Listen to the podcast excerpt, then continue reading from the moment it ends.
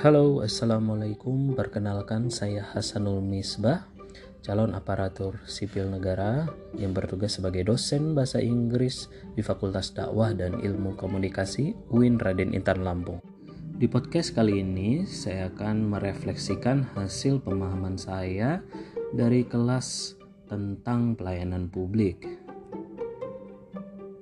Baik, kita mulai dari fungsi ASN yakni sebagai pelaksana kebijakan publik, pelayan publik, dan perekat dan pemersatu bangsa. ASN wajib mengelola tantangan dan masalah keragaman sosio kultural dengan menggunakan perspektif whole of government.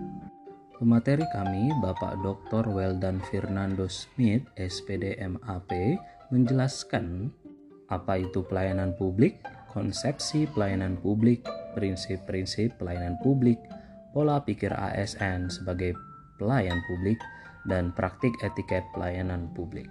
Sebagai pelayan publik, kita wajib melakukan usaha apa saja agar kepuasan masyarakat itu tinggi dan kepercayaan mereka juga tentu saja meningkat sesuai dengan Undang-Undang Nomor 25 Tahun 2009 tentang Pelayanan Publik yang mengamanatkan pelayanan publik adalah kegiatan atau rangkaian kegiatan dalam rangka pemenuhan kebutuhan pelayanan sesuai dengan peraturan perundang-undangan bagi setiap warga negara dan penduduk atas barang, jasa, dan atau pelayanan administratif yang disediakan oleh penyelenggara pelayanan publik.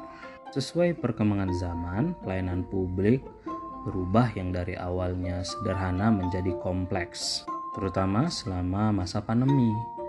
Banyak inovasi yang mengintegrasikan pelayanan menjadi online base sebagai jawaban dari tantangan pelayanan publik yang optimal selama masa pandemi.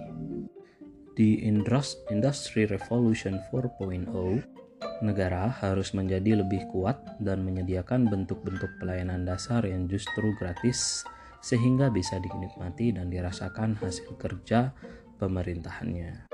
Nah, di situlah peran administrator publik untuk menunjukkan eksistensi dan keberpihakan negara dalam melayani masyarakat, yakni kami sebagai ASN ada untuk melayani masyarakat. Oke, cukup sekian podcast kali ini tentang pelayanan publik.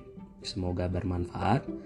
Alhamdulillah. Assalamualaikum warahmatullahi wabarakatuh.